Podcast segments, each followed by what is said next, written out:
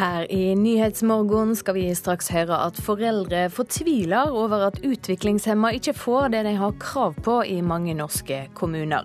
Det burde jo være unødvendig at pårørende kanskje som har holdt på i en menneskealder, skal holde på og holde på for å få selvfølgelige ting som er lovpålagt.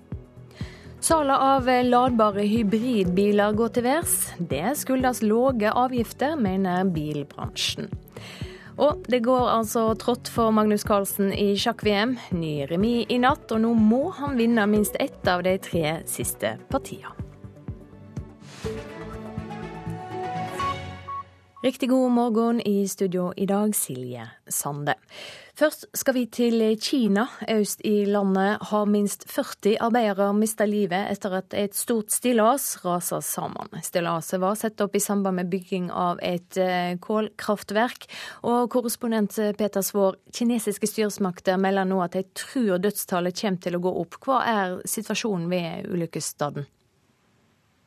Ja, Ifølge kinesiske medier nå så er situasjonen i Fencheng, der disse arbeiderne jobbet med å bygge nye kjøletårn til et kullkraftverk, at det er minst 40 omkomne. Det er fem skadde som er fraktet til sykehus, men det skal ha vært 68 arbeidere på stedet da denne konstruksjonen kollapset. Det er eh, flere lokale journalister eh, på stedet nå som sender direktebilder ut via mobiltelefonen, og det er nok mulig at dødstallene her vil stige ytterligere, for hele dette området er nå bare en haug av betongblokker og stillas. Det er også litt uklart om det bare er stillaset eller faktisk deler av denne kjøletårnkonstruksjonen som skulle bli over 160 meter høy, som også har kollapset. Så det kan uansett ligge flere fanget under disse haugene av byggematerialer som man nå prøver å redde ut.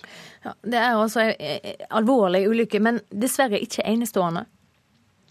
Nei, Det er den absolutt ikke. Det skjer alvorlige arbeidsulykker her i Kina med mange omkomne på ukentlig basis, både på fabrikker og på byggeplasser. Dagens ulykke er sånn sett ikke noe som får veldig mange øyenbryn til å heves her i Kina. Og dessverre går det jo hardest utover Kinas migrantarbeidere. Det er de som gjør det tyngste og farligste arbeidet, og som også får dårligst betalt, og som har færrest rettigheter dersom noe galt skulle skje. Hvorfor er det slik? En av årsakene er den sterke konkurransen i byggebransjen her, som også gjør at mange selskaper kutter hjørner og kutter kostnader der de kan.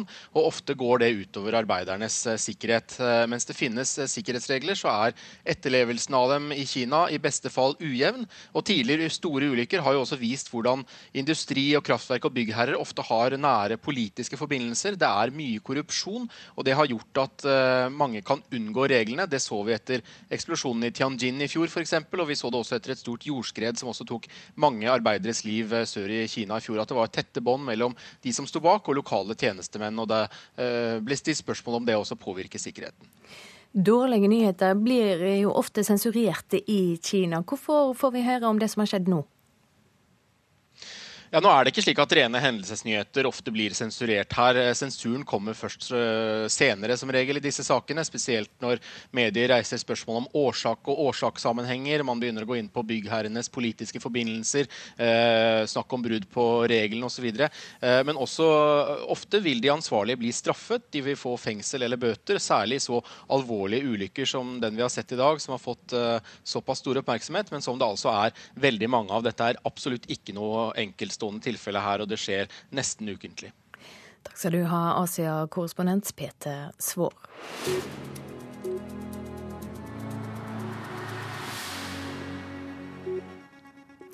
Mennesker med utviklingshemming får ikke det tilbudet de har krav på i norske kommuner. Det viser tall fra en landsomfattende undersøking som eh, fremdeles ikke er avslutta.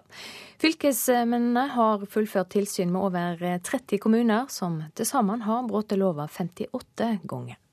Jeg blir veld, veldig skuffa over at ikke det blir fulgt mye bedre opp med hensyn til kompetanse, helse og aktiviteter på fritid. Bjørg og Øyvind Jensen i Kragerø er foreldre til utviklingshemmede Harald, og peker på flere problem som går igjen i mange kommuner. Etter mange års kamp for å få tilbudet sønnen har krav på, ga de opp og kjøpte egen leilighet til sønnen, og organiserer tilbudet hans selv. De er skremt når de ser hva slags tilbud andre utviklingshemmede får. Nei, jeg syns det er eh, skremmende. Jeg er redd for at eh, at det hadde blitt veldig tragisk for han. Et landsomfattende tilsyn som gjennomføres av fylkesmennene, avdekker store mangler i tilbudet til utviklingshemmede. Til nå er det gjort tilsyn med 32 kommuner, som til sammen har brutt loven 58 ganger. Det burde jo være unødvendig at pårørende kanskje som har holdt på i en menneskealder, skal holde på og holde på for å få selvfølgelige ting, og i tillegg som er lovpålagt. Tilsynet har som hovedmål å undersøke om utviklingshemmede får forsvarlige helse- og omsorgstjenester. Lovbrudd som hittil går igjen, er manglende kompetanse hos personalet, systemer som ikke sikrer forsvarlig helsehjelp, og at brukerne ikke får aktiviteter tilpassa den enkeltes behov. Bare i Telemark har tre kommuner brutt loven til sammen 15 ganger, sier fylkeslege Telemark Steinar Aase. Vi har eh, påvist en, god del situasjoner hvor, eh, hvor, de ikke får nødvendig helsehjelp i, i tide. Og det henger jo også sammen delvis med mangel på kompetanse hos personalet, og dels henger det sammen med, med mangel på tid. I ytterste konsekvens så kan det jo få livstruende konsekvenser hvis de har eh, sykdom som ikke blir eh, oppdaget i tide, og som man ikke i tide får hjelp for, eller hvis de eh, er i ferd med å skade seg selv og ikke får hjelp i tide så det kan bli veldig alvorlige konsekvenser. Det er ikke riktig at utviklingshemmede skal bli en glemt gruppe i kommunene, sier fylkeslegen. Dette er en gruppe som ikke alltid har ressurser til å tale sin egen sak. Og det er derfor en gruppe som, uh, som lett kan bli glemt når man skal tilrettelegge kommunens uh, tilbud. Og de skal ikke bli en salderingspost. En foreløpig rapport etter tilsyn med Seljord kommune er dyster. Kommunen bryter loven på seks punkter, og kommunalsjef for helse og omsorg Rolf Henning Jensen synes det er leit å være dårligst i klassen. Det er, det er ikke noe god følelse, det. Vi skulle gjerne ha vært uh, mye bedre enn det. Helt åpenbart. Men uh, når det er sagt, så, så er jeg glad for at, uh, at, vi har fått dette tilsynet og fått pekt på de forbedringsområdene. Og da er det en mulighet til å jobbe systematisk under et visst press for å bedre forholdene. Reporter Solfri Lergull Øverbø. Om en eh, drøy time så er det klart for eh, Politisk kvarter, og vi venter på semje i budsjettforhandlingene, programleder Bjørn Myklebust. Men hva hvis noen er litt ambivalente? Hva hvis noen ser fordelen av at dette ikke går, at de ikke blir enige? Kan Frp finne ut at de har mest å hente på å lage regjeringskrise? Og så tok jeg med to av eh, dagens aviser her. og på forsiden i den ene så frykter arbeidsminister Anniken Hauglie unge, sinte menn uten jobb for å se hva som skjedde i USA. I den andre så står det at norsk høyreside revner. Og alt det jeg har sagt nå, henger litt sammen, og så blir alt klart hvis du hører på Politisk kvarter om en time. Ja, Vi har også sett på avisframsidene i dag. Hver kveld hører jeg gråt i korridorene, sier Maren Hansen, som har jobba på flere sykehjemmer i Trondheim siden 2008. Sykepleierstudenten ønsker å jobbe på sykehjem, men er redd hun ikke orker mer. Eldreomsorga er uverdig, sier hun til Adresseavisen. Oslo-politiet mener ifølge VG at en domfelt barneraner drap Egil Tostrup Bråten i 2002. 32-åringen som nå er sikta, nekter straffskyld. Også Dagbladet skriver om den 14 år gamle drapsgåta. Mannen som er pågrepet i saka er domfelt en rekke ganger. Han tar drapssiktinga tungt, sier advokaten. Alle blir engstelige når alarmen går, sier en tillitsvalgt i Statoil til Stavanger Aftenblad. Riggen Scarabeo 5 brann for fjerde gang i forgårs. Siden september har Statoil opplevd seks alvorlige hendinger. Og som vi akkurat hørte, arbeidsminister Anniken Hauglie frykter for høy arbeidsløse blant unge menn i Norge. Det skriver Klassekampen. Da Hauglie møtte LO-topper i går, sa hun at det er et faresignal når sysselsettinga går ned blant unge menn.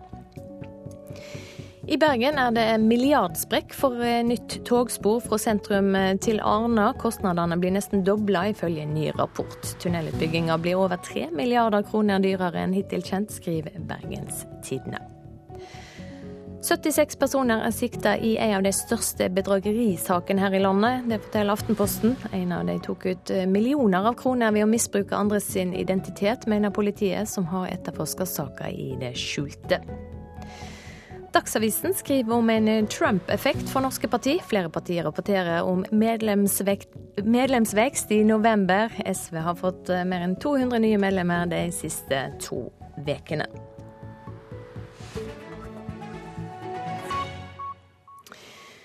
Så må vi jo snakke litt om sjakk. Magnus Carlsen helt liv i VM-hoppet da det ble nok en remis mot Sergej Kajakin i natt.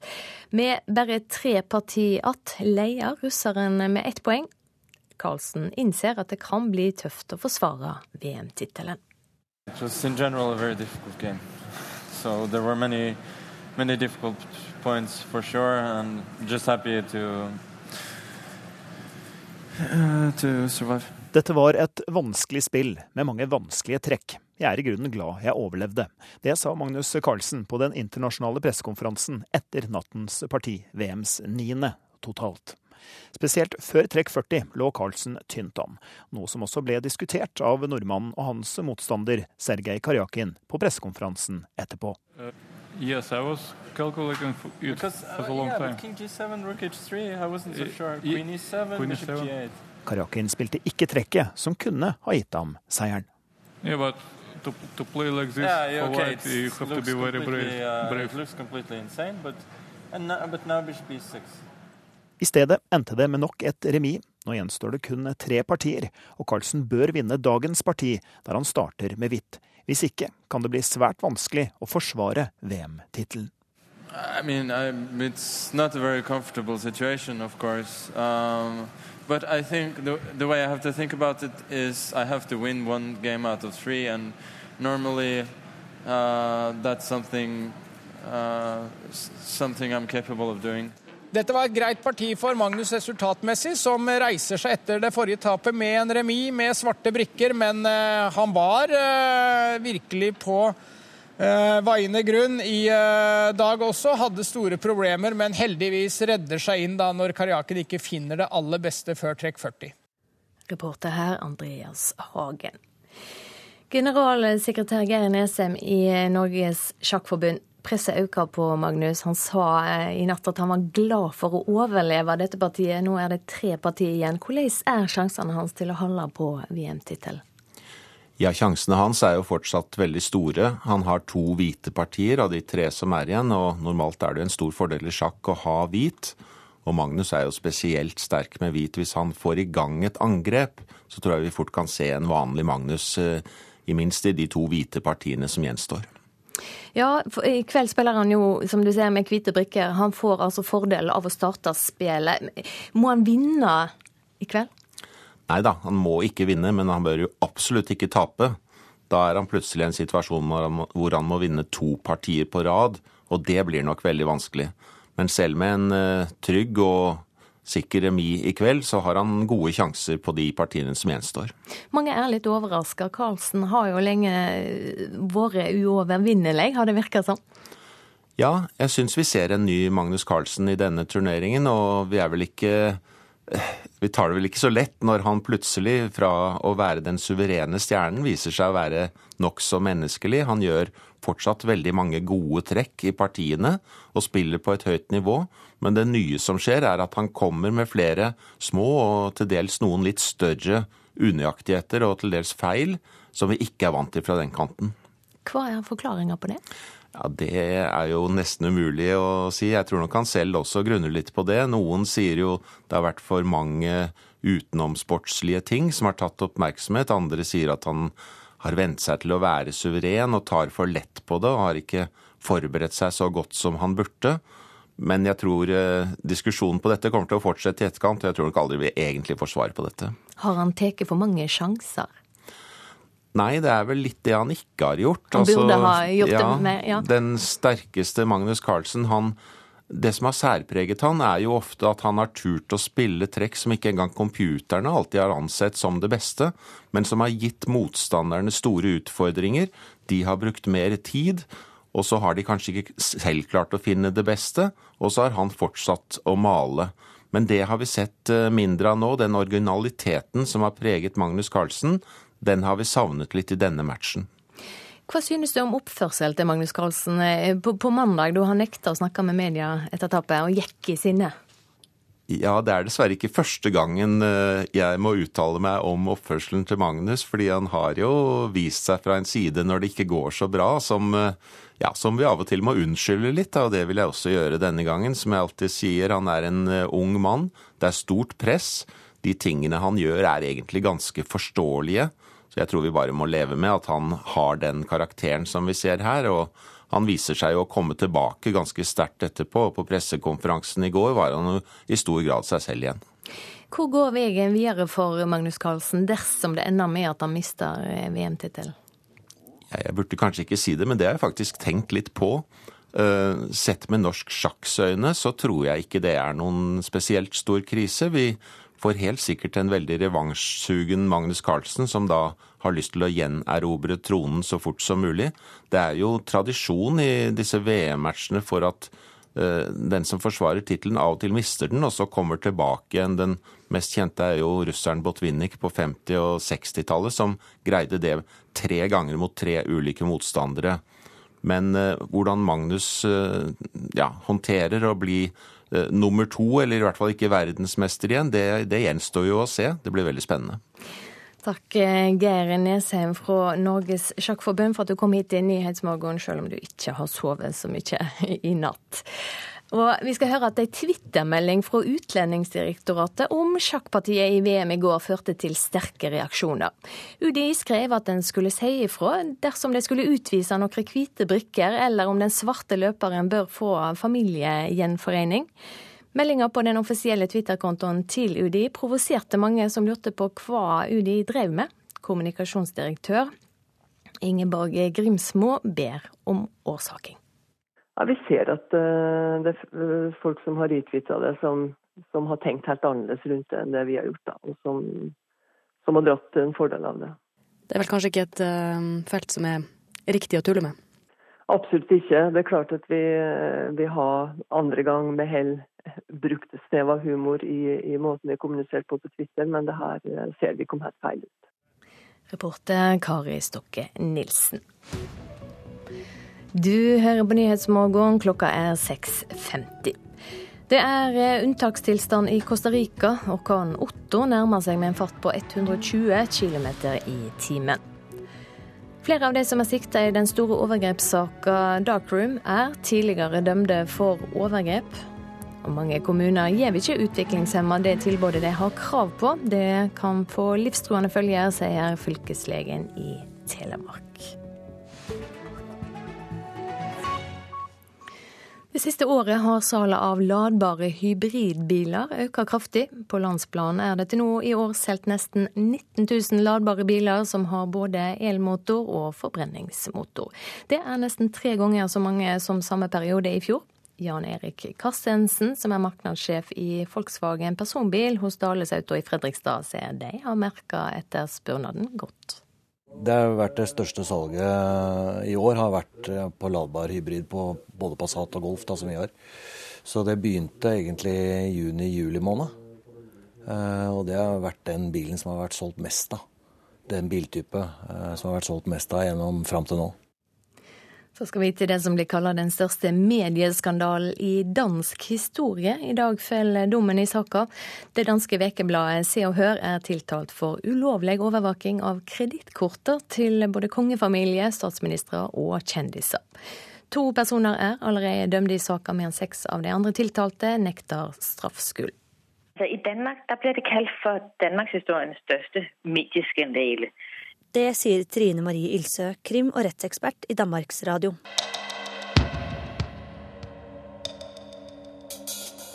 Det hele startet i 2014 med boken 'Livet det forbannede'.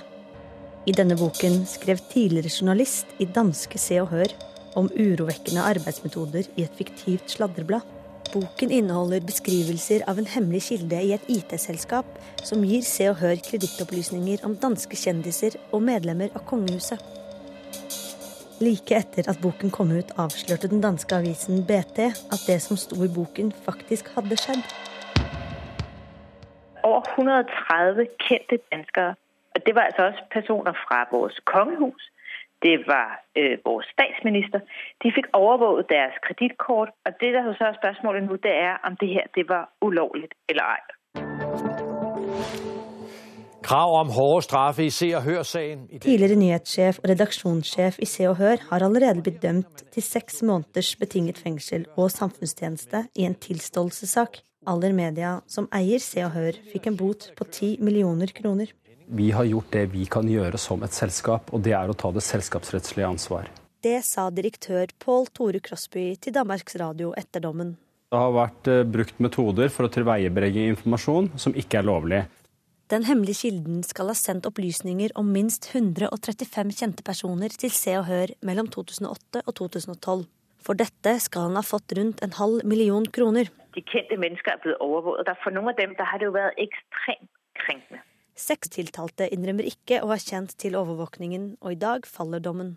Men det er altså stadig noe juridisk hull om hei som kan gjøre at, øh, at det er jo det vi venter på å se om de så også kan bli dømt for det.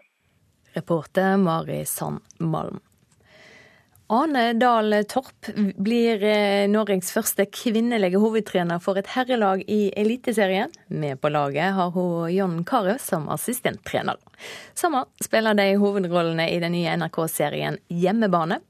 I virkeligheten kommer nok ikke dette til å skje med det første, sier tidligere landslagssjef i fotball for kvinner, Eli Landsem.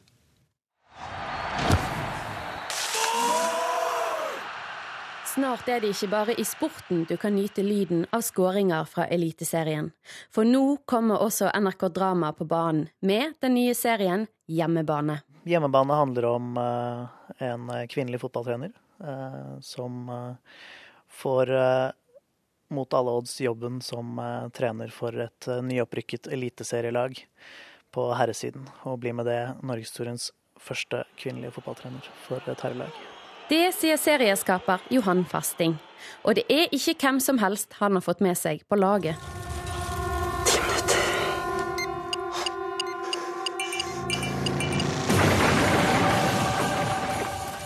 For Ane Dahl Torp hun er ferdig med panikken i Geiranger. Nå retter hun nesen mot Ulsteinvik og rollen som første kvinnelige hovedtrener i Eliteserien. Men selv om hun er trygg for monsterbølgene, så betyr ikke det at dette blir problemfritt. Motstanden til Anne i serien er en karakter som er en, en fotballspiller på tampen av karrieren sin, som har hatt en stor proffkarriere i Europa og som nå har flyttet hjem for å avslutte karrieren uh, i Norge. Og når ting butter imot, da hjelper det kanskje ikke at assistenttreneren din egentlig trodde at det var han som skulle få jobben. Den forsmådde rollen spilles av Jon Carew, som vi andre er vant til å se i en litt annen fotballsetting. Carews andre sjanse, ball inn i feltet! Og denne gang sitter corneren i mål! Endelig så er det 1-0 for Norge på Ullevål. Hvordan tror du han kunne funka i en assistenttrenerrolle sånn i virkeligheten? Jeg tror Jon er en fin gutt, så det tror jeg han hadde takla veldig bra. Jeg tror jeg kunne komme godt overens med. Det sier Eli Landsem, da hun ble trener for kvinnelandslaget i fotball, var hun den første kvinnen som noensinne trente et norsk fotballandslag. Siden har bare menn fulgt etter. Daltorps trenerrolle i Eliteserien er ikke noe hun ser på som særlig realistisk. Ja, Det er lite sannsynlig ennå, ja, tror jeg. Det er nok en del år fram i tid før vi får det. Hvor mange år tipper du da? Jeg er redd det ikke blir min tid. Også fotballekspert Lise Klavenes sier det er en lang vei igjen å gå for toppfotballen. Det er jo litt rart, egentlig. For fotball er jo mye mindre alvorlig enn å styre landet. Og der har vi jo kvinnelig statsminister flere ganger.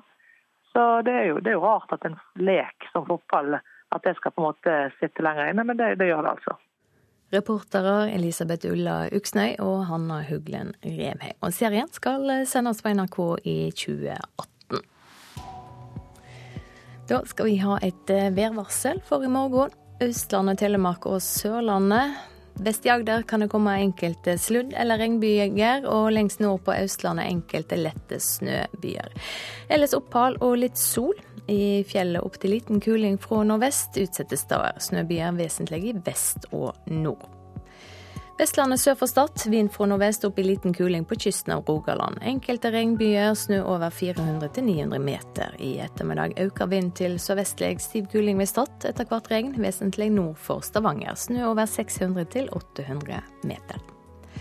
Møre og Romsdal enkelte regnbyger, snø over 200-400 meter. Fra om ettermiddagen sørvestlig liten kuling, senere stiv kuling. Regn, snø over 800 meter. Trøndelag nordvestlig liten kuling på kysten. Enkelte regnbyger, snø i indre strøk og i høgda.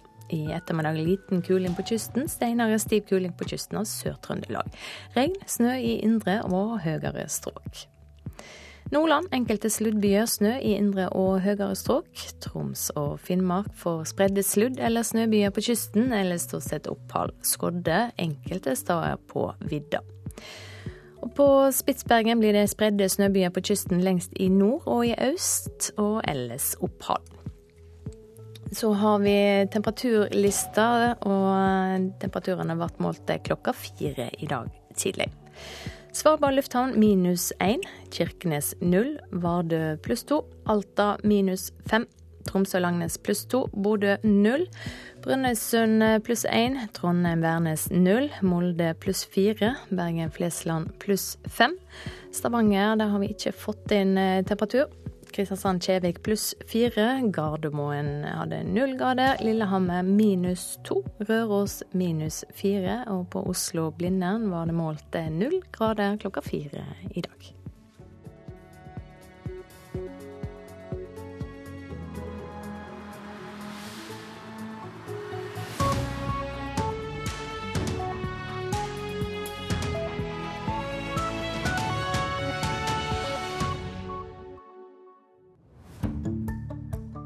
Høytlesning på gata og på bensinstasjoner.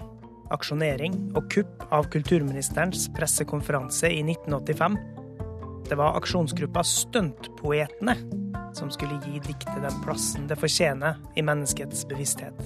Møt dem 30 år seinere i Kulturhuset klokka 13 på NRK P2.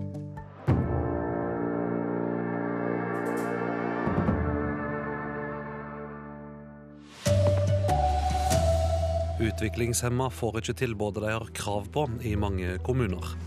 Enda en remis for Magnus Carlsen. Han må vinne ett av de tre siste partiene i sjakk-VM. Her er NRK Dagsnytt klokka sju. Kommuner gir ikke utviklingshemmede det tilbudet de har krav på. Det syner tall fra en landsomfattende undersøking gjennomført av fylkesmennene. Lovbrudd som går att, er manglende kompetanse og personale, system som ikke sikrer forsvarlig helsehjelp, og at brukerne ikke får aktiviteter som er spesialtilpassa behovene. Fylkeslege i Telemark, Steinar Aase, sier dette er alvorlig.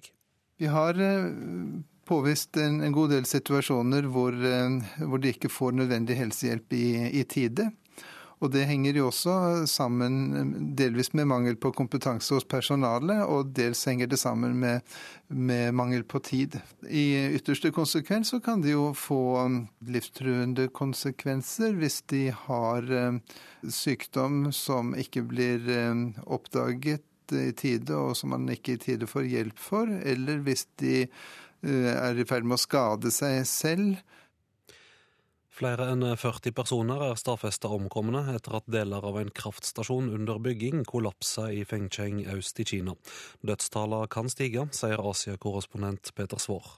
Det skal ha vært 68 arbeidere på stedet da denne konstruksjonen kollapset. Det er eh, flere lokale journalister eh, på stedet nå som sender direktebilder ut via mobiltelefonen. og Det er nok mulig at dødstallene her vil stige ytterligere, for hele dette området er nå bare en haug av betongblokker og stillas. Det er også litt uklart om det bare er stillaset eller faktisk deler av denne kjøletårnkonstruksjonen som skulle bli over 160 meter høy, som også har kollapset. Så det kan uansett ligge flere fanget under disse haugene av byggematerialer som man nå prøver prøver å redde ut. Magnus Carlsen og Sergej Karjakin spilte remis, altså uavgjort, i det niende partiet av VM-kampen i sjakk. Stillinga totalt er nå 5-4 til Karjakin når tre partier står igjen. Generalsekretær Geir Nesheim i Norges Sjakkforbund sier Carlsen fremdeles kan vinne VM. Ja, Sjansene hans er jo fortsatt veldig store. Han har to hvite partier av de tre som er igjen, og normalt er det en stor fordel i sjakk å ha hvit. Men selv med en uh, trygg og sikker remis i kveld, så har han gode sjanser på de partiene som gjenstår. Har han tatt for mange sjanser? Nei, det er vel litt det han ikke har gjort. Det som har særpreget han, er jo ofte at han har turt å spille trekk som ikke engang computerne alltid har ansett som det beste, men som har gitt motstanderne store utfordringer. Men det har vi sett eh, mindre av nå. Den originaliteten som har preget Magnus Carlsen, den har vi savnet litt i denne matchen. Intervjuer Silje Sande. NRK Dagsnytt, Vidar Eidhammer. Her i Nyhetsmorgen skal vi høre om et dødsfall som kan ha sammenheng med akupunkturbehandling. Nå skal Helsetilsynet se på saka på nytt. 76 mennesker sikta i det som er eh, trolig en av norgeshistoriens største bedragerisaker. Den blir nå rulla opp i østlandsområdet. I dag skal EU-parlamentet holde en avrøsting om forhandlingene om medlemskap med Tyrkia skal eh, holde fram. Og det er eh, straks julebordsesong, men nedgangstidene har ført til at mange dropper denne tradisjonen. I februar i fjor døde en mann av alvorlig blodforgifting på Bærum eh, sykehus. Mest trolig som følge av akupunktur. Han fikk på en akupunkturskole åtte dager tidligere, ifølge sykehusrapporter. Saka ble rutinemessig meldt til eh, både helsetilsyn og politi, men eh, offentlig tilsyn har vært for dårlig, vedgår fylkeslegen. Og nå blir saka gjenåpna. Jeg spurte som vanlig hvordan har du hatt det. Så, ja, så sa han at de er jo veldig hyggelig og trivelig der, men i dag har jeg fått veldig vonde nåler for første gang inn i håndflaten. Så viste han meg her, i disse linjene her, og i negleroten, så jeg skrek nærmest au. Hun forteller om februardagen da ektemannen gjennom 15 år fikk akupunktur ved en skole. Etter noen dager ble han dårlig, noe som lignet omgangssyke. Etter fem dager ble han akuttinnlagt på Bærum sykehus. Etter å ha tatt noen prøver, så uh, skjønte jeg at han hadde fått blodforgiftning, men med ukjent utgangspunkt. Legene jobber på spreng med å finne årsaken. Samtidig blir Livs mann dårligere. Venstre arm hovner opp, to merker oppdages i håndflaten. I journalen står det ved tilsyn ble det fremstått som en sannsynlig bløtvevsinfeksjon forårsaket av akupunkturbehandling foretatt noen dager før. Hvis de i det hele tatt skulle ha sjanse til å redde han, så måtte de amputere den venstre armen hans. Men det hjelper ikke. Utover fredagen og natt til lørdag så begynte det ene organet etter det andre å svikte. Og så døde han da lørdag ettermiddag. Bærum sykehus varsler rutinemessig Helsetilsynet og politiet. Fylkesmannen i Oslo og Akershus får tilsynsansvar. De får opplysninger fra sykehuset om mulig årsak, søker opp navnet til akupunktøren ved skolen og sjekker om han er helsepersonell. Det er han ikke. Derfor gjør ikke fylkeslegen mer med saken. De sjekker ikke hvem eleven var, verken med skolen eller Liv. Ifølge NRKs opplysninger var eleven en turnuslege. Da omfattes hun av helsepersonelloven. Vi kunne nok funnet ut av det hvis vi hadde gått i dialog med familien, ja. ja. Og jeg beklager at ikke vi gjorde det. Sier fylkeslege Jan Petter Odden i Oslo og Akershus. De har gjenåpnet saken. I utgangspunktet så ser, ser vi nå at vi skulle undersøkt saken nærmere for å komme nærmere eh, årsaken til hendelsen og hva som faktisk foregikk. Særlig hvis det da var hvis det viser seg å være helsepersonell involvert som vi ikke var kjent med i utgangspunktet. NRK har ikke lykkes å komme i kontakt med eleven. Skolen mener det ikke er en sammenheng mellom dødsårsak og akupunktur, og mener alt annet er spekulasjoner. I obduksjonsrapporten står det infeksjon med multiorgansvikt, og dette oppfattes som dødsårsaken. Utgangspunkt for bakteriell sepsis anslås å være sårinfeksjon i venstre hånd. Leder av Norsk forening for infeksjonsmedisin og overlege Arne Broch Brandsæter uttaler seg på generelt grunnlag om hva journal- og obduksjonsrapport betyr. Det de sier er at de anser det som sannsynlig at akupunktur har eh, medført en sårinfeksjon, og at denne sårinfeksjonen har spredd seg til, eh, til blodet og forårsaket en blodforgiftning. Og at pasienten da døde som følge av denne blodforgiftningen og eh, redusert organfunksjon, det vi kaller for multiorgansvikt. Igjen står kona Liv. Hun sier det er sårt at dette ikke har fått noen konsekvenser for noen. Og så Hadde det skjedd et uventet dødsfall innenfor helsevesenet, så hadde det jo fått noen konsekvenser. Ja, Du kan lese hele tilsvaret på nrk.no. Reportere Ellen Omland og Camilla Wernersen. Vinjar Fønnebø, du er direktør i NAFKAM, et forskningssenter ved Universitetet i Tromsø som forsker på alternativ behandling. Vi hører her om en mann som døde av en infeksjon som trolig altså skyldes ei akupunkturbehandling. Hvor ofte skjer alvorlige skader pga. akupunktur? Eh, det skjer ekstremt sjeldent, og det er gjort eh, mange undersøkelser i flere land i verden på dette, så vi vet faktisk eh, hvor ofte det skjer, og vi vet det som er den vanligste alvorlige hendelser etter akupunktur. Og det vanligste er jo at man setter nålene for dypt i brystregionen og gir skade på lunge. Det er den vanligste alvorlige. Infeksjoner er da en av de andre eh, alvorlige hendelser som kan skje, men igjen, dette skjer ekstremt sjelden. Og så er det slik at det er forskjeller på rettene du har som pasient når noe går galt hos en alternativ behandler i, i høve til på et sykehus? Det er eh, klare forskjeller dersom hendelsen skjer på sykehus eller av autorisert helsepersonell mens de jobber i sin på en måte hovedstilling som helsepersonell, så er pasienten dekket på vanlig måte i, i henhold til pasientskadeloven. Utenom det så vil det være helt avhengig av om eh, akupunktøren har en ansvarsforsikring. Eh, F.eks. vil da, hvis man er med i en organisasjon for akupunktører, så vil man normalt ha en slik ansvarsforsikring. Tror du folk er klar over det? Overhodet ikke pasienter som går til alternativ behandling, er helt ukjent med hva slags erstatningsordninger som gjelder dersom noe skulle gå galt. Hvem er det som fører tilsyn med de som driver med alternativ behandling? Alternative behandlere er ikke underlagt noe tilsyn fra helsemyndigheter dersom de ikke er autorisert helsepersonell. Og hvis de er autorisert helsepersonell, så er de selvfølgelig under tilsyn som alle andre. Men hvis de ikke er autorisert helsepersonell, så er det ingen tilsynsordning for alternative behandlere. Hvem kan en da eventuelt klage til? Det man kan klage til i dagens system, det er jo eh, politiet. For vi har jo en lov om alternativ behandling som har straffebestemmelser dersom eh, man blir skadet. Eh, og det kan man anmelde til politiet. Hvis man klager ellers på markedsføring, så kan man da klage til Forbrukerombudet. Og så er det selvfølgelig eh, utøveren selv og dens organisasjon. For de fleste organisasjonene har jo eh, da forsikringsordninger. I hvor stor grad skjer det at noen klager? Eh, ikke ofte, men eh, det er jevnlige rapporter om klager på alternative behandlere, ja. Har en noe rett på offentlig kompensasjon dersom en blir utsatt for skadelig eller uforsvarlig behandling?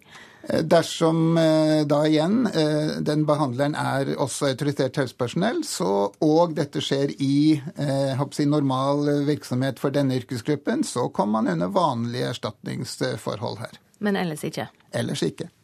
Takk for at du kom hit til Nyhetsmorgen, Binjar Fønnebø, direktør i NAFKAM.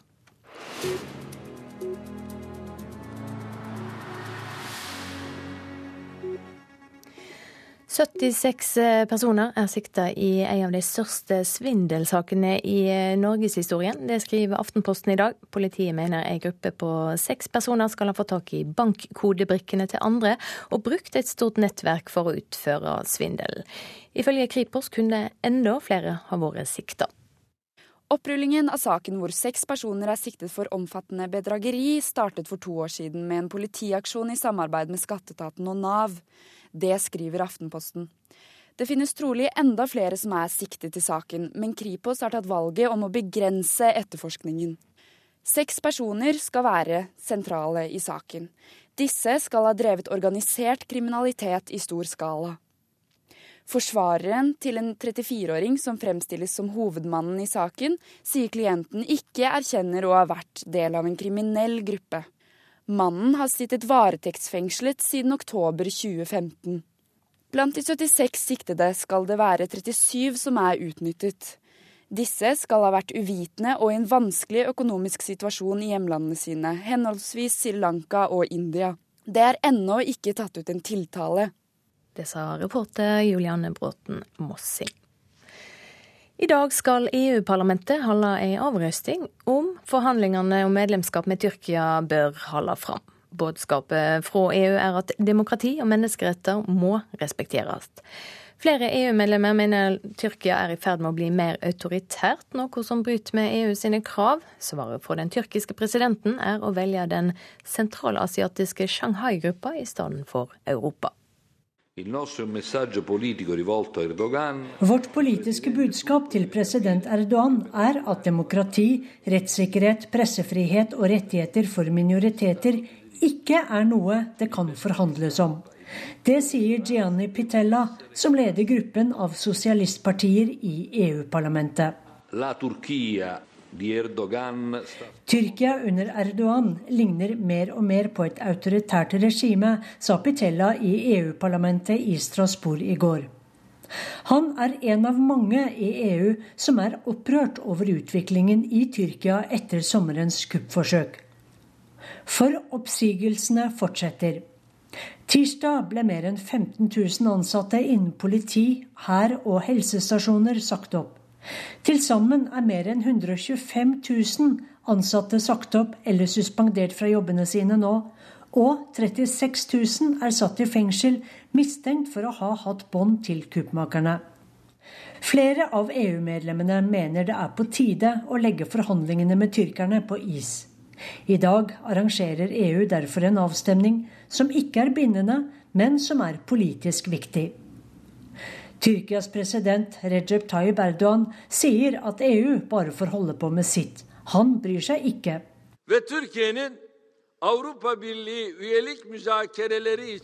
Så de skal stemme over EUs samtale med Tyrkia. Jeg kaller på verden for å si at uansett hva resultatet blir, så er det verdiløst i våre øyne, sa president Erdogan i Istanbul i går. Selv om avstemningen ikke er bindende, kan ikke jeg under noen omstendigheter tolerere resultatet. Avstemningen viser at EU tar side med terroristgrupper, mener presidenten, som igjen viser til at kurdere fra PKK får gå fritt rundt i EU-hovedstaden. President Erdogan vender seg heller mot øst. Han åpner for tyrkisk medlemskap i Shanghai-gruppen, som består av Russland, Kina, Usbekistan og tre andre sentralasiatiske land. De umiddelbare konsekvensene av å stanse samtalene med EU er at Tyrkias håp om visumfrihet i Europa går i vasken. Flyktningavtalen kan kollapse, og Tyrkia kan åpne døren for flyktninger som vil til Europa. Her i Tyrkia mener mange at EU ikke vil ha dem som medlemmer fordi de er muslimer.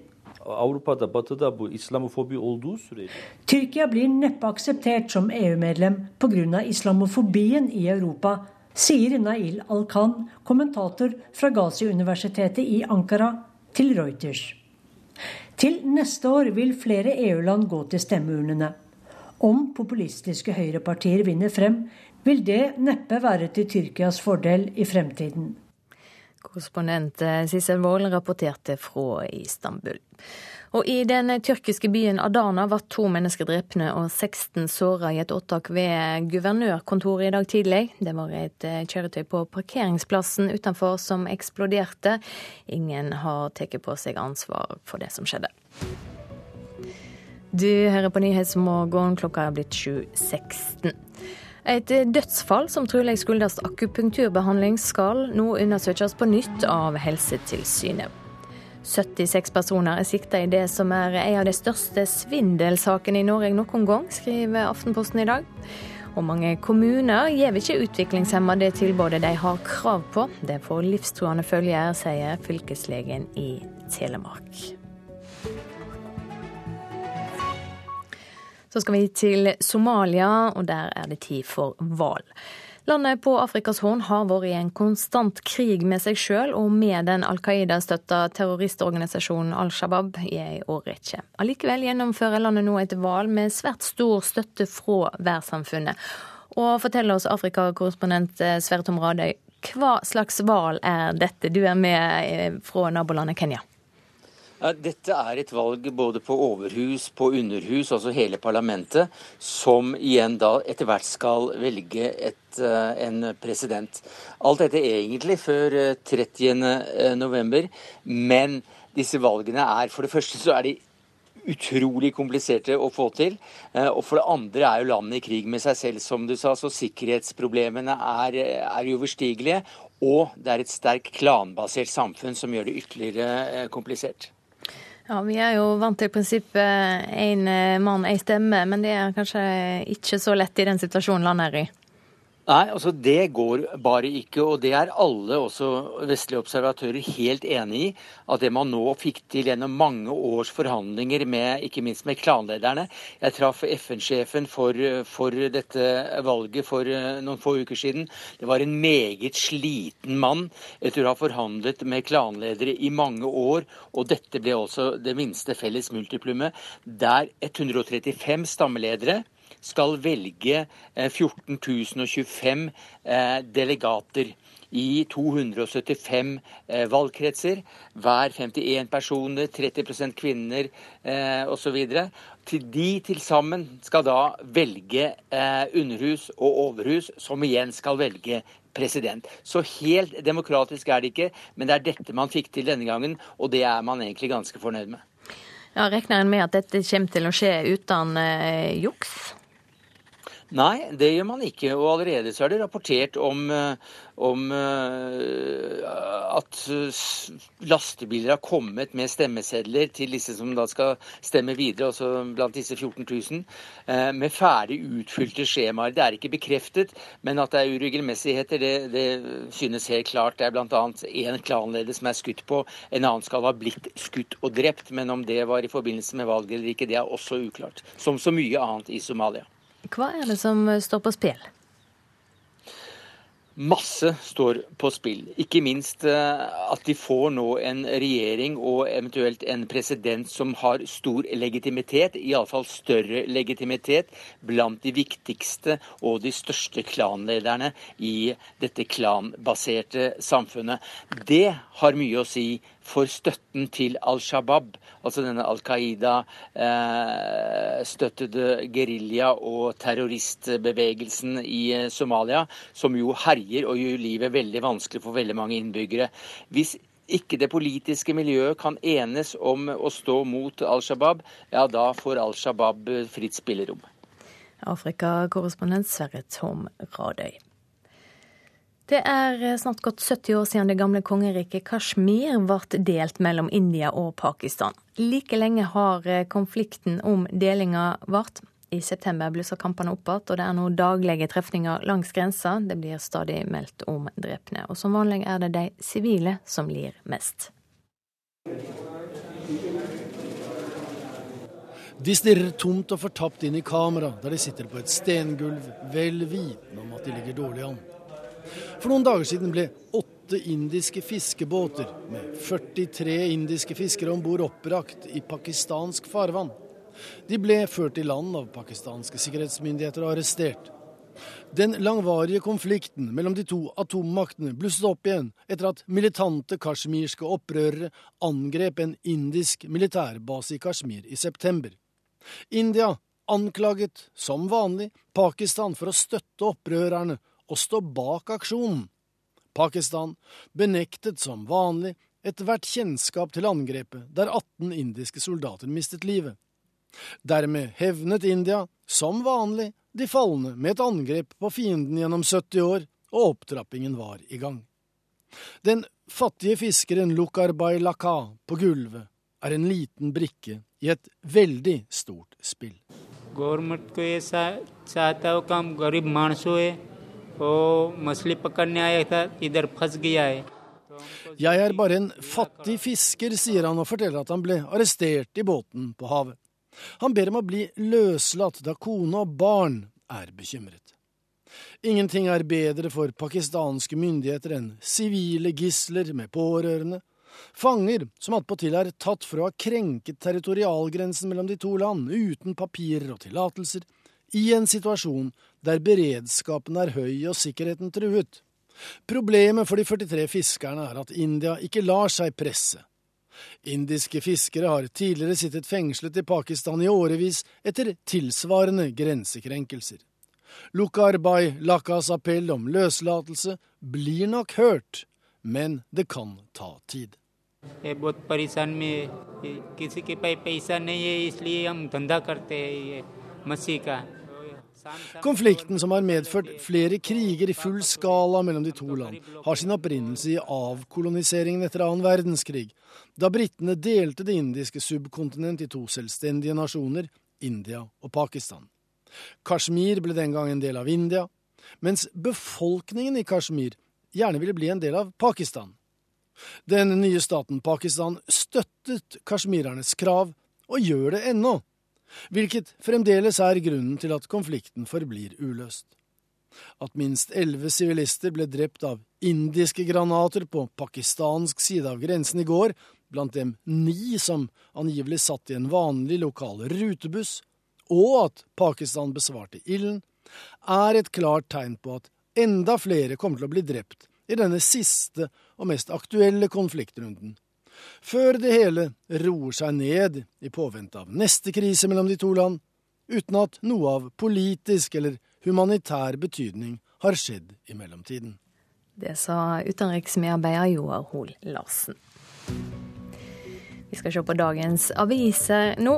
Hver kveld hører jeg gråt i korridorene. Det sier Maren Hansen, som har jobba på flere sykehjem i Trondheim siden 2008. Sykepleierstudenten ønsker å jobbe på sykehjem, men er redd hun ikke orker mer. Eldreomsorgen er uverdig, sier hun til Adresseavisen. Oslo-politiet mener en domfelt barneraner drap Egil Tostrup Bråten i 2002, skriver VG. 32-åringen som nå er sikta, nekter straffskyld. Også Dagbladet skriver om den 14 år gamle drapsgåta. Mannen som nå er pågrepet i saka, er domfelt en rekke ganger, og han tar drapssiktinga tungt, ifølge advokaten. Alle blir engstelige når alarmen går, sier en tillitsvalgt i Statoil til Stavanger Aftenblad. Riggen Scarabeo 5 brann for fjerde gang i forgårs. Siden september har Statoil opplevd seks alvorlige hendinger. Arbeidsminister Anniken Hauglie frykter for høy arbeidsløse blant unge menn i Norge, skriver Klassekampen. Da Hauglie møtte LO-topper i går, sa hun at det er et faresignal når sysselsettinga går ned blant unge menn. I Bergen er det milliardsprekk for det nye togsporet mellom sentrum og Arna. Kostnadene blir nesten dobla, ifølge en ny rapport. Tunnelutbygginga blir over tre milliarder kroner dyrere enn hittil kjent, skriver Bergens Tidende. Dagsavisen skriver om en Trump-effekt for norske parti. Flere partier rapporterer om medlemsvekst i november. SV har fått flere enn 200 nye medlemmer de siste to ukene. Og norsk høyreside er djupere splitta, skriver Vårt Land. Det tydeligste signalet på det er Sylvi Listhaugs form og retorikk, mener Bård Larsen i Civita. Flere velger privat hjemmehjelp i Kristiansand, forteller Fedrelandsvennen. Åtte firma tilbyr i dag hjemmehjelpstjenester, og stadig flere velger en av dem framfor kommunale tjenester. Bare én av 400 ulver i Norge og Sverige er radiomerka, skriver Nasjonen. Dyrevernalliansen mener radiomerkinga ikke lenger har vitenskapelig verdi. Cecilia Brekkhus vil slå seg stort opp på heimebane, forteller Dagens Næringsliv. Proffbokseren satser alt på å bygge et norsk bokseimperium rundt en ny boksehall i Oslo. Og Jens Ultveit Moe spår handelskrig mellom USA og Kina i fire år, mens Trump er president. Investoren ser ingen løsning på den fastlåste konflikten mellom de to landene. Det sier han til Finansavisen. Ja, Nedgangstidene har ført til endring i julebordtradisjonen her i landet, ifølge hotellnæringa. Nesten halvparten av oss skal ikke, eller vet ikke om de skal på julebord i år, ifølge en undersøking fra NHO Reiseliv. Vi har denne bankettsalen i bruk i alle fall fem-seks ganger i løpet av sesongen nå. Direktøren viser rundt på et julepyntet hotell. Ja da, det er pyntet rundt omkring eh, alle veier. Det er det. Her på Scandic-hotellet på Kokstad i Bergen venter bortimot 2000 julebordsgjester i år.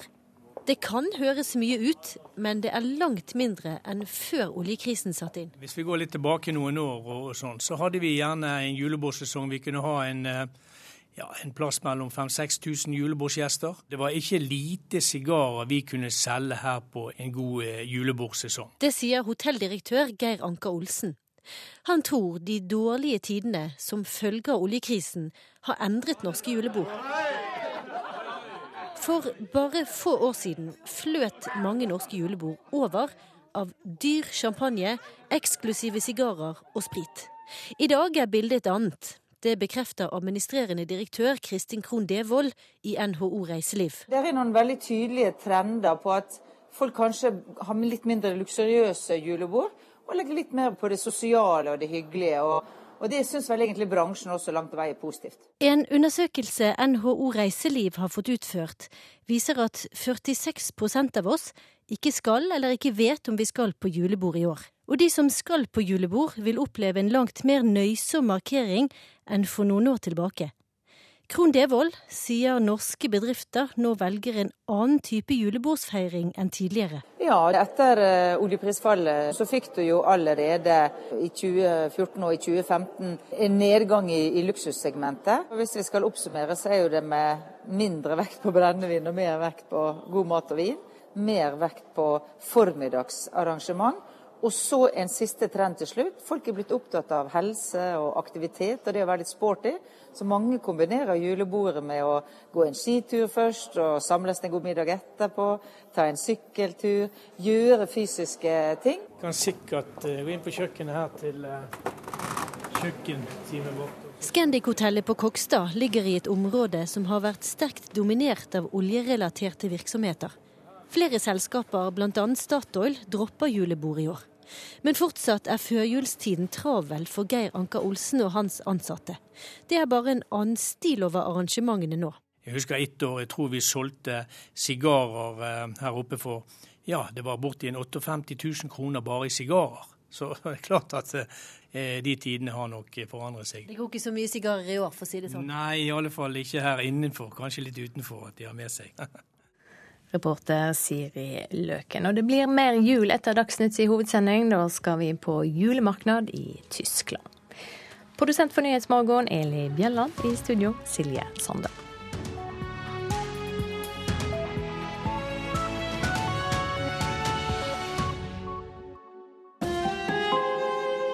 Hør ekko.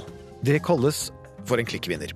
Og i manges øyne var det en viktig bidragsyter til Donald Trumps valgseier. Nettstedet Breitbart News ønsker å etablere seg med kontorer i Frankrike og Tyskland. Representerer det en høyrepopulistisk slagkraft vi bør frykte eller applaudere til Europa? Spør Ekko i dag. Ekko 9 11 i NRK P2. En mann døde av infeksjon, trolig etter akupunkturbehandling. Ingen har tatt ansvar, mener enka. Kommuner gir ikke utviklingshemma det de har krav på. Det kan være livstruende, mener en fylkeslege. Utlendingsdirektoratet sammenligner sjakkbrikker med utlendinger på Twitter. Det har skapt reaksjoner. Her er NRK Dagsnytt klokka 7.30.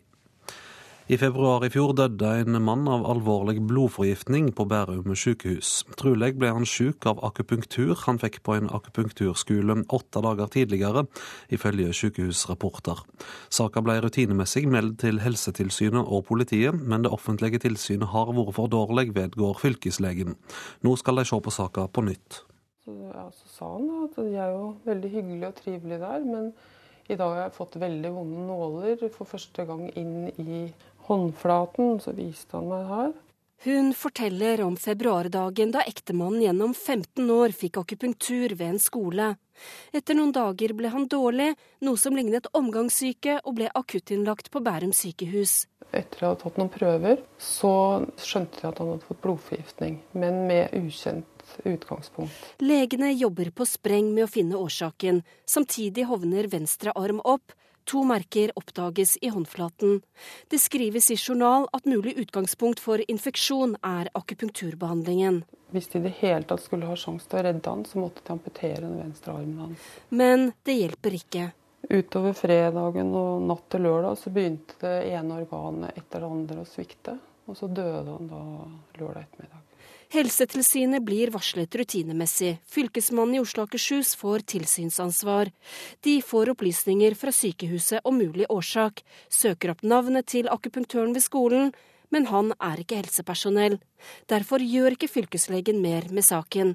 De sjekker ikke hvem eleven var, verken med skolen eller Liv. Etter det NRK kjenner til, var eleven turnuslege, da omfattes hun av helsepersonelloven. Vi kunne nok funnet ut av det hvis vi hadde gått i dialog med familien, ja. Og jeg beklager at ikke vi gjorde det. Sier fylkeslege i Oslo og Akershus Jan Petter Odden. De har gjenåpnet saken. NRK har ikke lykkes å komme i kontakt med eleven.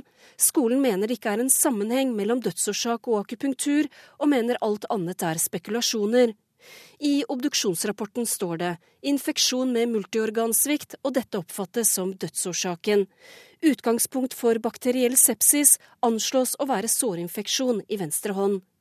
Leder av Norsk forening for infeksjonsmedisin og overlege Arne Broch Brandsæter uttaler seg på generelt grunnlag om hva journal- og obduksjonsrapport betyr. Det de sier er at de anser det som sannsynlig at akupunktur har eh, medført en sårinfeksjon, og at denne sårinfeksjonen har spredd seg til, eh, til blodet og forårsaket en blodforgiftning. Hele tilsvaret fra skolen kan du lese på nrk.no, reportere Ellen Omland og Camilla Wernersen.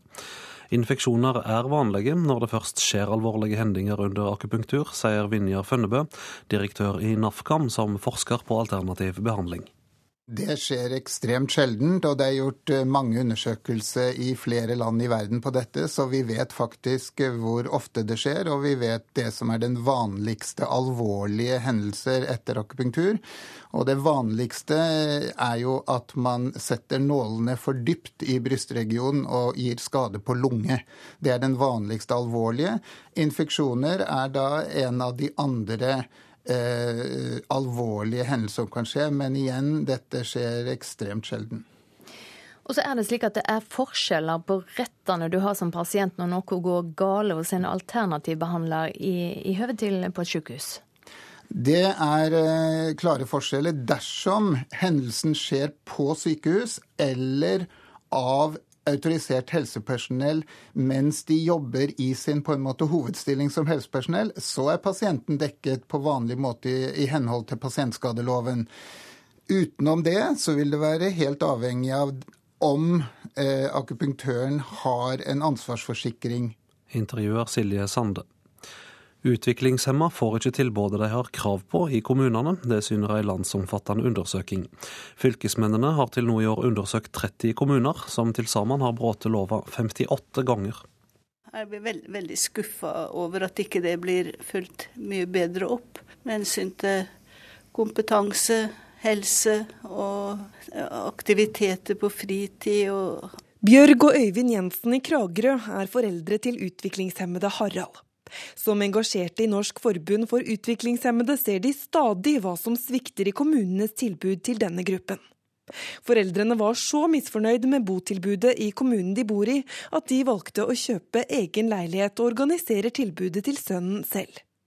De synes det er trist å se at mange ikke får tilbudet de har krav på. Nei, jeg synes det er eh, skremmende. Det burde jo være unødvendig at pårørende, kanskje som har holdt på i en menneskealder, skal holde på og holde på for å få selvfølgelige ting, og i tillegg som er lovpålagt. Et landsomfattende tilsyn som gjennomføres av fylkesmennene, avdekker allerede store mangler i tilbudet til utviklingshemmede i mange kommuner. Lovbrudd som går igjen er manglende kompetanse hos personalet, systemer som ikke sikrer forsvarlig helsehjelp, og brukerne får ikke aktiviteter tilpassa den enkeltes behov. Fylkeslege i Telemark Steinar Aaste sier at dette er alvorlig. Vi har eh, påvist en, en god del situasjoner hvor, eh, hvor, de ikke får nødvendig helsehjelp i, i tide. Og det henger jo også sammen delvis med mangel på kompetanse hos personalet, og dels henger det sammen med, med mangel på tid. I ytterste konsekvens så kan det jo få livstruende konsekvenser hvis de har eh, sykdom som ikke blir eh, oppdaget i tide, og som man ikke i tide får hjelp for, eller hvis de eh, er i ferd med å skade seg selv og ikke får hjelp i tide, Reporter Solfri Leirgul Øverbø. En tweet fra Utlendingsdirektoratet, UDI, om sjakk og familiegjenforening i går kveld førte til skarpe reaksjoner. Et mislykka forsøk på humor, sier kommunikasjonsdirektør Ingeborg Grimsmo som årsaker. Jeg vil bare beklage på det sterkeste at eh, den tweeten kom ut. Det var et eh, forsøk eh, på humor å knytte det opp til en aktuell begivenhet, og det ble fullstendig bom. Det ser vi veldig godt. og vi beklager det. Vi kommer til å legge ut en tweet som, som beklager det på sterkeste. Det var under gårsdagens spennende parti i sjakk-VM at denne tweeten ble lagt ut. Si fra hvis vi skal utvise noen hvite brikker, tårnet A6, eller om den svarte løperen bør få familiegjenforening med kongen. Reaksjonene lot ikke vente på seg. De fleste var negative, som han som foreslo at UDI heller skulle bruke ventetiden mellom trekkene til å behandle noen søknader. Spørsmålet er hvordan dette hadde skjedd. Noen har tenkt at det var en god idé å, å lage noe humor rundt eh, en aktuell begivenhet som sjakk, og knytte det til vårt felt, og så nok ikke hvordan det kom av sted. UDI-direktør Frode Forfang la også ut en twittermelding hvor han beklager det han kaller et fullstendig mislykket forsøk på humor. Den opprinnelige meldingen ble så slettet. Nå varsler Grimsmo at det kan komme nye regler for hva UDI-ansatte kan legge ut på Twitter. Vi har snakka om det allerede, og det er klart at det er mulig at vi må lage oss noen tydelige retningslinjer på hva vi skal legge ut. Reporter Katrin Hellesnes. Og Magnus Carlsen hell i VM-håpet etter enda en remis mot Sergej Karjakin i natt. Med bare tre partier igjen leder russeren med ett poeng. Men Carlsen innser at det kan bli tøft å forsvare VM-tittelen. It's in general a very difficult game. So there were many, many difficult points for sure, and just happy to uh, to survive. Dette var et vanskelig spill med mange vanskelige trekk. Jeg er i grunnen glad jeg overlevde. Det sa Magnus Carlsen på den internasjonale pressekonferansen etter nattens parti, VMs niende totalt. Spesielt før trekk 40 lå Carlsen tynt an, men Sergej Karjakin spilte ikke et trekk som kunne ha gitt ham seieren. Noe de to diskuterte på pressekonferansen etterpå. Yeah, but to, to play like this yeah, okay. white, you have to be very brave. Uh, brave. It looks completely insane, but, and, but now we should six.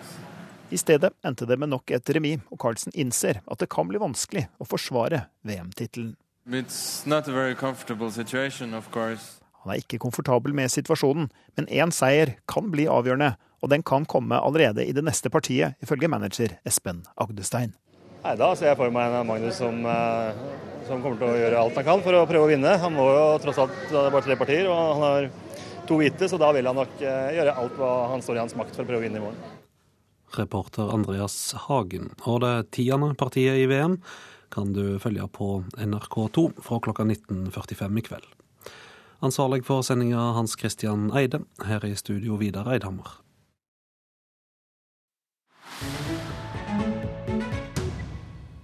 I dag er det en måned att til jul. I Tyskland har julemarkedene åpna mange steder. Der er det en helt spesiell julestemning, men i år er det flere politifolk til stede enn det har vært før.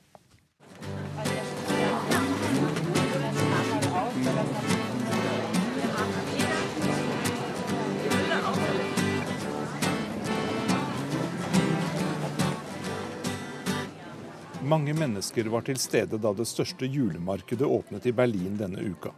Folk kommer for å oppleve den gode, gammeldagse julestemningen. De mange bodene er på plass, og det selges julepynt i masse forskjellige varianter. Men for mange er det nok viktigere at det serveres glühwein eller rødvinstoddy, champagne og en rekke tradisjonelle matretter.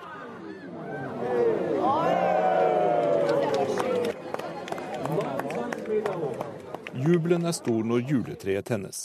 Det er vakkert pyntet, og familien som har gitt treet, er æresgjester. Den haben wir eigentlich sehr gerne gegeben und der sieht wunderschön aus. Also kann man wirklich nicht anders sagen mit diesen 4000 Lichter. Juletreet er nydelig med tusenvis av lys, sier Gabi Gøring, som har donert tre. Hun er stolt av at det kommer fra hennes og mannens hjemsted.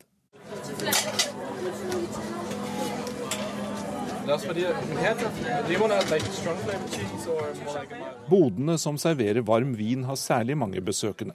Men småkaker og julepynt går også unna. Og noen lar seg friste av duften av nygrillede kastanjer.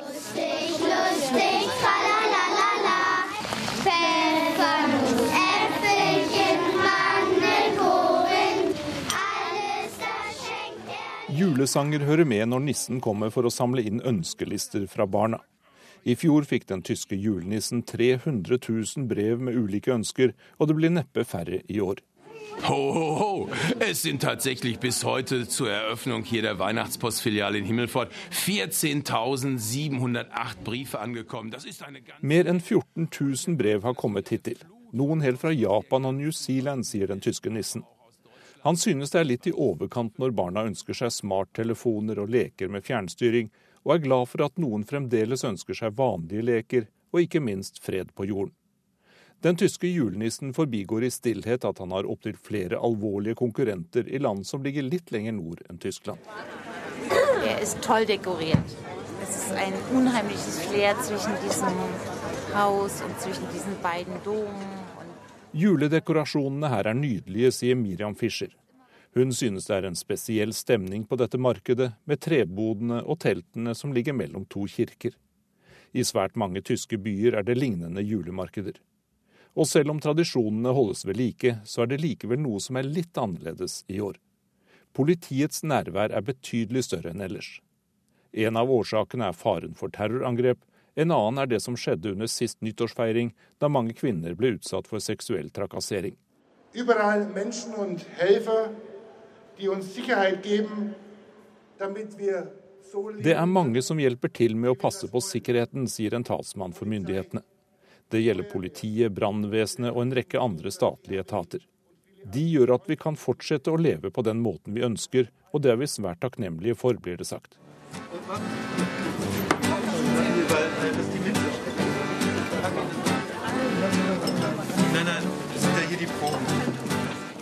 Tradisjonen med de vakre julemarkedene fortsetter i Tyskland. Og det er bare å håpe at julefreden kommer til å vare helt til markedene stenger på nyttårsaften. Det sa reporter Jan Espen Kruse.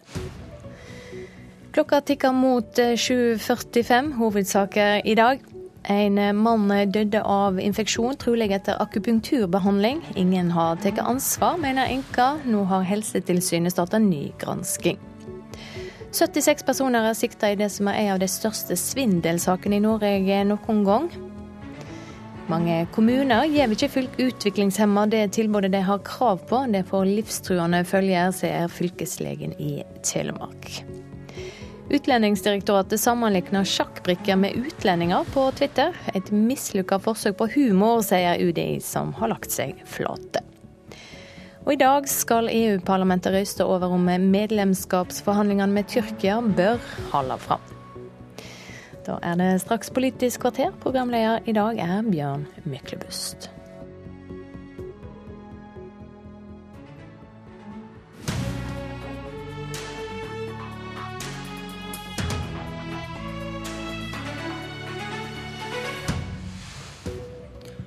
Kunne det vært lurt av Fremskrittspartiet å gå ut av regjering? Lage krise nå som de har sjansen i forhandlingene om budsjettet. Kunne de vokst seg store? Større enn Høyre? Og den norske høyresiden revner, skriver en avis i dag. Alt henger sammen med alt. Ikke minst kan det gjelde de to overskriftene du nettopp hørte. Og om et politisk kvarter kan du være mye klokere, og et tungt ansvar hviler på mine tre gjester. Kunne det vært lurt av Frp å gå ut av regjering nå? Tittelen på din tekst 'Det frie liv i opposisjon' antyder at svaret kunne være ja. Jan Arild Snoen, skribent i Minerva. Hva, hva kunne Frp oppnådd ved å gjøre nettopp det, gå ut av regjering? De kunne ha oppnådd høyere oppslutning. Det, er, det, har alltid vært to ulike syn på hvordan regjeringsmakt vil påvirke Frp. Det ene er at de kan få i pose og sekk. Hvis de kommer inn og får vist sin fantastiske politikk, så vil også velgerne eh, være der og fortsette å være der. Kanskje kommer flere. Den andre er at makt koster. At et parti som Frp, som er en outsider når de kommer til makten, så må de betale en pris ved å miste noen velgere. Det er en erfaring fra mange andre partier og andre land. Og Disse to slåss mot hverandre. Og Når det da går nedover på morgenene, så vil da de som, som sier at ja, vi trodde vi skulle gjøre det bra uansett, de vil begynne å tenke på nytt. Var det bedre å gå ut? Var det bedre å være et stort parti på utsiden? Og hva ser de hvis de titter ut over norskegrensa? Ja, De ser jo at mange partier i Europa som er på utsiden, og som er ikke samme som Frp, men som har den samme da fokus på innvandring og sånne ting. Mange land gjør det bra, som Frankrike og Nederland og Sverige, Danmark. Mens da det ene andre, andre partiet som har gått inn, Sandfinnene i Finland, de har gått kraftig tilbake. Så også, du ser der også at du kunne ha vært mye større hvis du hadde vært på utsiden. Og da blir det eksistensielle spørsmålet hva er, hva er viktigst? Å være stor eller å faktisk ha makt? Berit Aalborg, politisk redaktør i avisa Vårt Land. Dere har jo en eh, meningsmåling i dag som bekrefter bildet vi har sett blant velgerne en god stund nå. Frp faller. Og hva, hva gjør det med lysten til å regjere? Ja, det er riktig. Frp faller nesten 3% på målinga vår. og det, samme, det, er ganske likt, eller det er den samme eh, tendensen flere steder. Altså, jeg tror at det er som Snoen sier, det er delt. Eh, på den ene sida så tror jeg det er mange som, eh, som, tenker at det kunne vært fint å kommet ut og markert seg. Og man ser til utlandet, og da ser man strømninger. En del av de strømningene vi ser i USA, ser i USA f.eks., som gjorde at Trump Eh, vant, de, de, er nok noen av de samme strømningene som Frp nå ser på. Men på den annen side så tror jeg også at mange som sitter sentralt i Frp nå, også vet at det å gå ut av en regjering tre kvart år før valget kan være krevende. For det tar tid å bygge opp et parti igjen etter å ha vært eh, sittet i regjering. Nå har ikke Frp erfart det før, men det har de sett fra andre, andre partier. Så jeg tror det blir, det blir nok for dem så er det nok en sånn oppveiing mellom det på den ene siden de ser at de kanskje kan få gjennomslag, og de ser til Trump, og de ser til brexit, som liksom er en del av den samme strømninga. Og så ser de også at det kan bli veldig vanskelig. Så jeg tror nok det er en sånn eh, Og det er ikke godt å si egentlig om de faktisk ville greie å ta ut den effekten. Det er egentlig ingen som vet akkurat nå. Magnus Takvam, politisk kommentator her i NRK. Er, er dette et dilemma for Frp? De sitter i regjering, de synker på målingene, og så nærmer det seg et valg. Selvfølgelig er det det. Eh, det er jo en sånn dualisme i Frp som eh, stadig viser seg ut fra den aktuelle politiske situasjonen til enhver tid.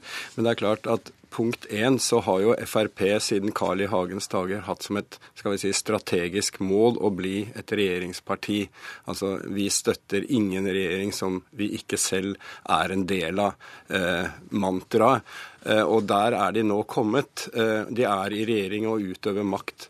Så jeg tror at eh, partiet har gått for langt i den retningen til at de liksom har et fritt valg til enhver, på ethvert tidspunkt til å liksom gå ut av regjering fordi de kortsiktig kan, kan tjene på det. Så det de åpenbart uh, forsøker, er å kombinere fremdeles hensynet til å ha denne populistiske appellen og å vise seg som et parti som er i stand til å regjere.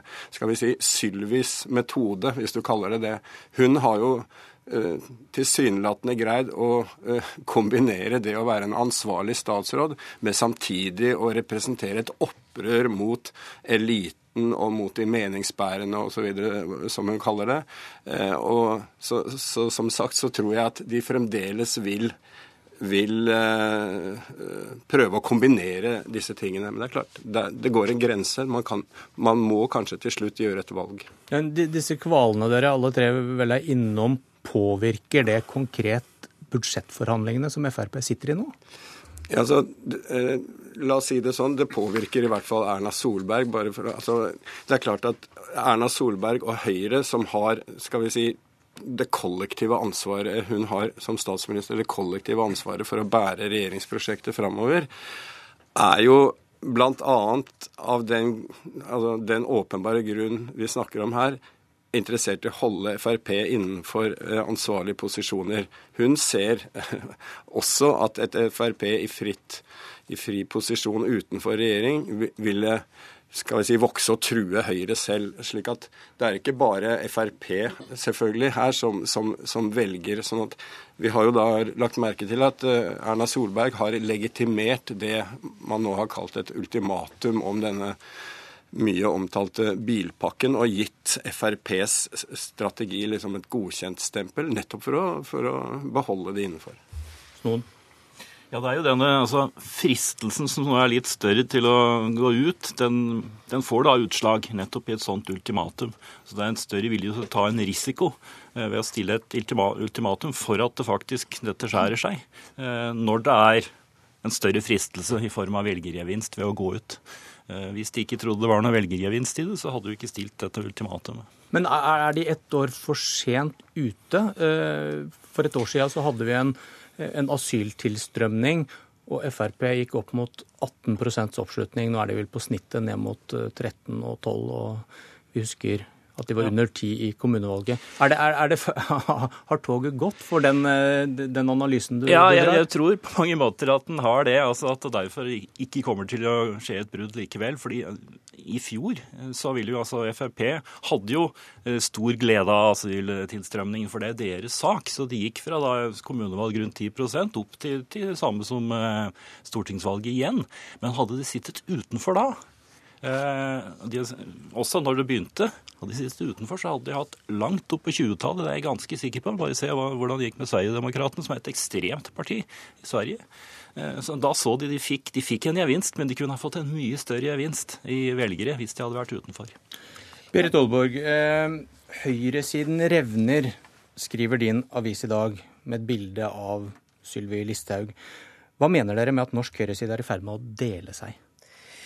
Ja, altså jeg tror for å ta litt av det store bildet, da, så er det sånn at eh, internasjonalt så ser vi etter både Trumps seier og brexit, så ser vi at at høyresiden, og dette også til en viss grad gjelder venstresiden, men, men særlig høyresiden, går i hver sine retninger. Og du ser På den ene siden så har du det man på en måte kan kalle kanskje globalister eller liberalister. Eh, på den andre siden så har du mer nasjonalt orienterte populistene. Og Dette er strømninger som har, høyresiden har hatt i seg Eh, i mange år. Men etter da eh, eh, Trump og brexit og dette som har skjedd ute, så er dette blitt tydeligere. Og du kan si at du har fått en sterkere fremvekst da, og en tydeligere fløy av det som vi kan kalle for, for nasjonalt orienterte. Noen vil kalle dem nasjonalister, andre vil kalle dem populister. Hvordan ser man dette konkret i Norge, at høyresiden deler seg mer enn før? Ja, altså tror, man, man, ser at de er uenige med hverandre. De er uenige i f.eks. analysen av det som skjer ute med Trump og, og og, eh, og brexit. Eh, og så f.eks. det som Sylvi Listhaug nå gjør, at hun går så sterkt ut i mange sammenhenger og bruker så sterk retorikk. Det er en annen måte å se den, det skillet på. Da, og da ser du plutselig at f.eks. sånn Kristin Clemet i, i, Civita hun går nå etter hvert ut og reagerer på det og syns at Sylvi går for langt. og det er den, altså Dette gjorde hun ikke tidligere. og Det er, det, det er mange i det mer klare liberalistiske miljøet som også Snoen på mange måter tilhører, som nå begynner å reagere på den sterke sterke retorikken som blir brukt, og som er veldig lik den du på mange måter ser, har sett fra Trump. Eh, sånn at man, man, man, man, ser at denne delen av, høy, av høyresiden på en måte vokser veldig, og, at, og den andre del, altså den mer liberalistiske delen er ikke så begeistra for det de ser, rett og slett. Ja, Snoen, du er kanskje inhabil som, en, som en del av denne ene fløyen, men er, er, er, du, er, du, enig ja, du er det. Eh, er du enig i analysen? At det, at det skjer noe på norsk høyreside nå? Jeg er ikke så sikker på det, fordi det har alltid vært eh, den, disse spenningene om særlig hvordan innvandringsmotstanden skal markeres og hvor sterk den skal være og sånn. Det eh, det var en av grunnene til at jeg gikk ut av Frp for mer enn 20 år siden. Men den har alltid vært der eh, på høyresiden. Delvis innad i Frp, men særlig mellom Frp og Høyre. Men det som skiller Frp fra veldig mange av disse partiene på kontinentet, er at Frp hele tiden har kjørt en frihandelslinje. De er for globalisering. Eh, mens nesten alle de andre nasjonalkonservative høyrepopulistiske partiene i Europa er imot det.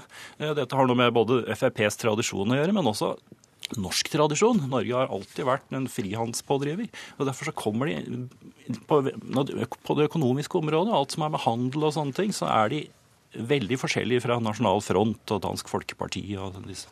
Eh, takk for ham. Én for, én mot. Eh, når du mulighet til å lage flertall, er, er norsk høyreside i ferd med å dele seg mer enn før? Altså, Den spenningen mellom Frp og Høyre, da for å ta det norske parti, eh, altså de to som regnes som høyrepartier, eh, har jo vært der veldig lenge. Og styrkeforholdet har jo også endret seg veldig eh, avhengig av ytre forhold. F.eks. under finanskrisen i forkant av den i 2008, så var jo Frp sterkere enn Høyre osv. Slik at dette har svingt fram og tilbake. Eh, hvis jeg skal si noe helt kort om, om, om det, min analyse av dette, så er det klart at populistiske partier er, har en relativ styrke. De har en styrke bl.a. fordi andre partier, og da de klassiske styringspartiene, ofte har sviktet, og at deres tradisjonelle velgere ikke ser på dem som sine representanter fullt ut. Og det fører til mange ting, også at de tradisjonelle partiene tilpasser seg og overtar en del av standpunktene til de populistiske partiene. Det ser vi i Frankrike med de konservative kandidatene, er jo innvandringskritiske på linje med Le Pen. Eh, vi har, eh, I Danmark så har de danske sosialdemokratene de er helt enig i Dansk Folkepartis innvandringspolitikk, bl.a. Slik at det er også en indirekte innflytelse her. Og Aalborg, er ikke det vi begynte med, med at Frp synker på målingene, også i din avis i dag, et argument for at det ikke stemmer at disse styrker seg, de taper jo oppslutning. Jo, men jeg tror ikke det bare handler om Frp, for dette handler om noe som er en, på en større del av, av høyresida. Men jeg har lyst til å si til Snoen at jeg er litt overraska over at du ikke er enig i at det er blitt et større skille her, fordi du viser til frihandelspolitikken til Frp, som, som vi vet har vært en viktig del av partiet. Men Frp har jo akkurat nå for kort tid siden gått ut sterkere og sagt at de er mot EU enn tidligere. Så også internt i Frp så ser du at kanskje populistene eller de mindre globalt orienterte styrker seg. og Det er jo, det er jo et argument for denne utviklinga, så å si. Men jeg tror ikke vi bare kan ta det innafor Frp. altså Det gjelder et mye større felt. Men for Frp så er ikke dette å være imot EU, er ikke å være imot frihandel. Snarere tvert imot. Det er akkurat som med UKIP i, Storbritannia, som er uh, frihandelstilhengere, men de ser ikke på EU som et frihandelsprosjekt. Og det er helt forskjellig da fra, fra mange andre av disse partiene på kontinentet. Det er byråkratiet og for lite frihandel som er mye av kritikken i, i, i Frp. Og så er det også noe av den samme kritikken som du vil finne fra Senterpartiet og andre. Men det er en annen altså Senterpartiet er, burde kanskje ha snakket om her også, for det er også en del av dette. De er jo en annen type nasjonalkonservativ eh, reaksjon, som også går fram nå litt i Norge, kanskje fordi Frp sliter. For å prøve å dra det hele sammen, det vi snakker om nå, en delt høyreside, henger det sammen med det vi startet med, FrPs eventuelle ønske om å stå utenfor regjering når det kommer til et valg? Altså, det, vil jo, det, vil jo, føre til en deling mellom Høyre og Frp. da, så I, i det litt banale forstand så, så, så gjør de det. Mm. Takk for den. Ja, altså ja, Høyre og Frp er i øyeblikket i Norge da maktpolitisk bundet sammen. Altså, jeg, jeg, tror eh, Erna Solberg har den enkle analysen at hun kan ikke få flertall med verken eh, Frp alene eller med sentrumspartier alene. Så hun så, som jeg var litt inne på i stad, så er det nettopp Høyre som har det store dilemmaet i øyeblikket og må balansere her, og har en veldig krevende, krevende balansegang. Altså jeg tror også at De strømningene vi ser nå, er grunnen til at det er veldig attraktivt for Frp å gå ut. Så det, det blir veldig spennende å se nå hvordan de greier å manøvrere innafor eventuelt. Berit Aalborg, Jan Arild Snoen, Magnus Takvam, takk for et politisk kvarter. Jeg heter Bjørn Myklebust.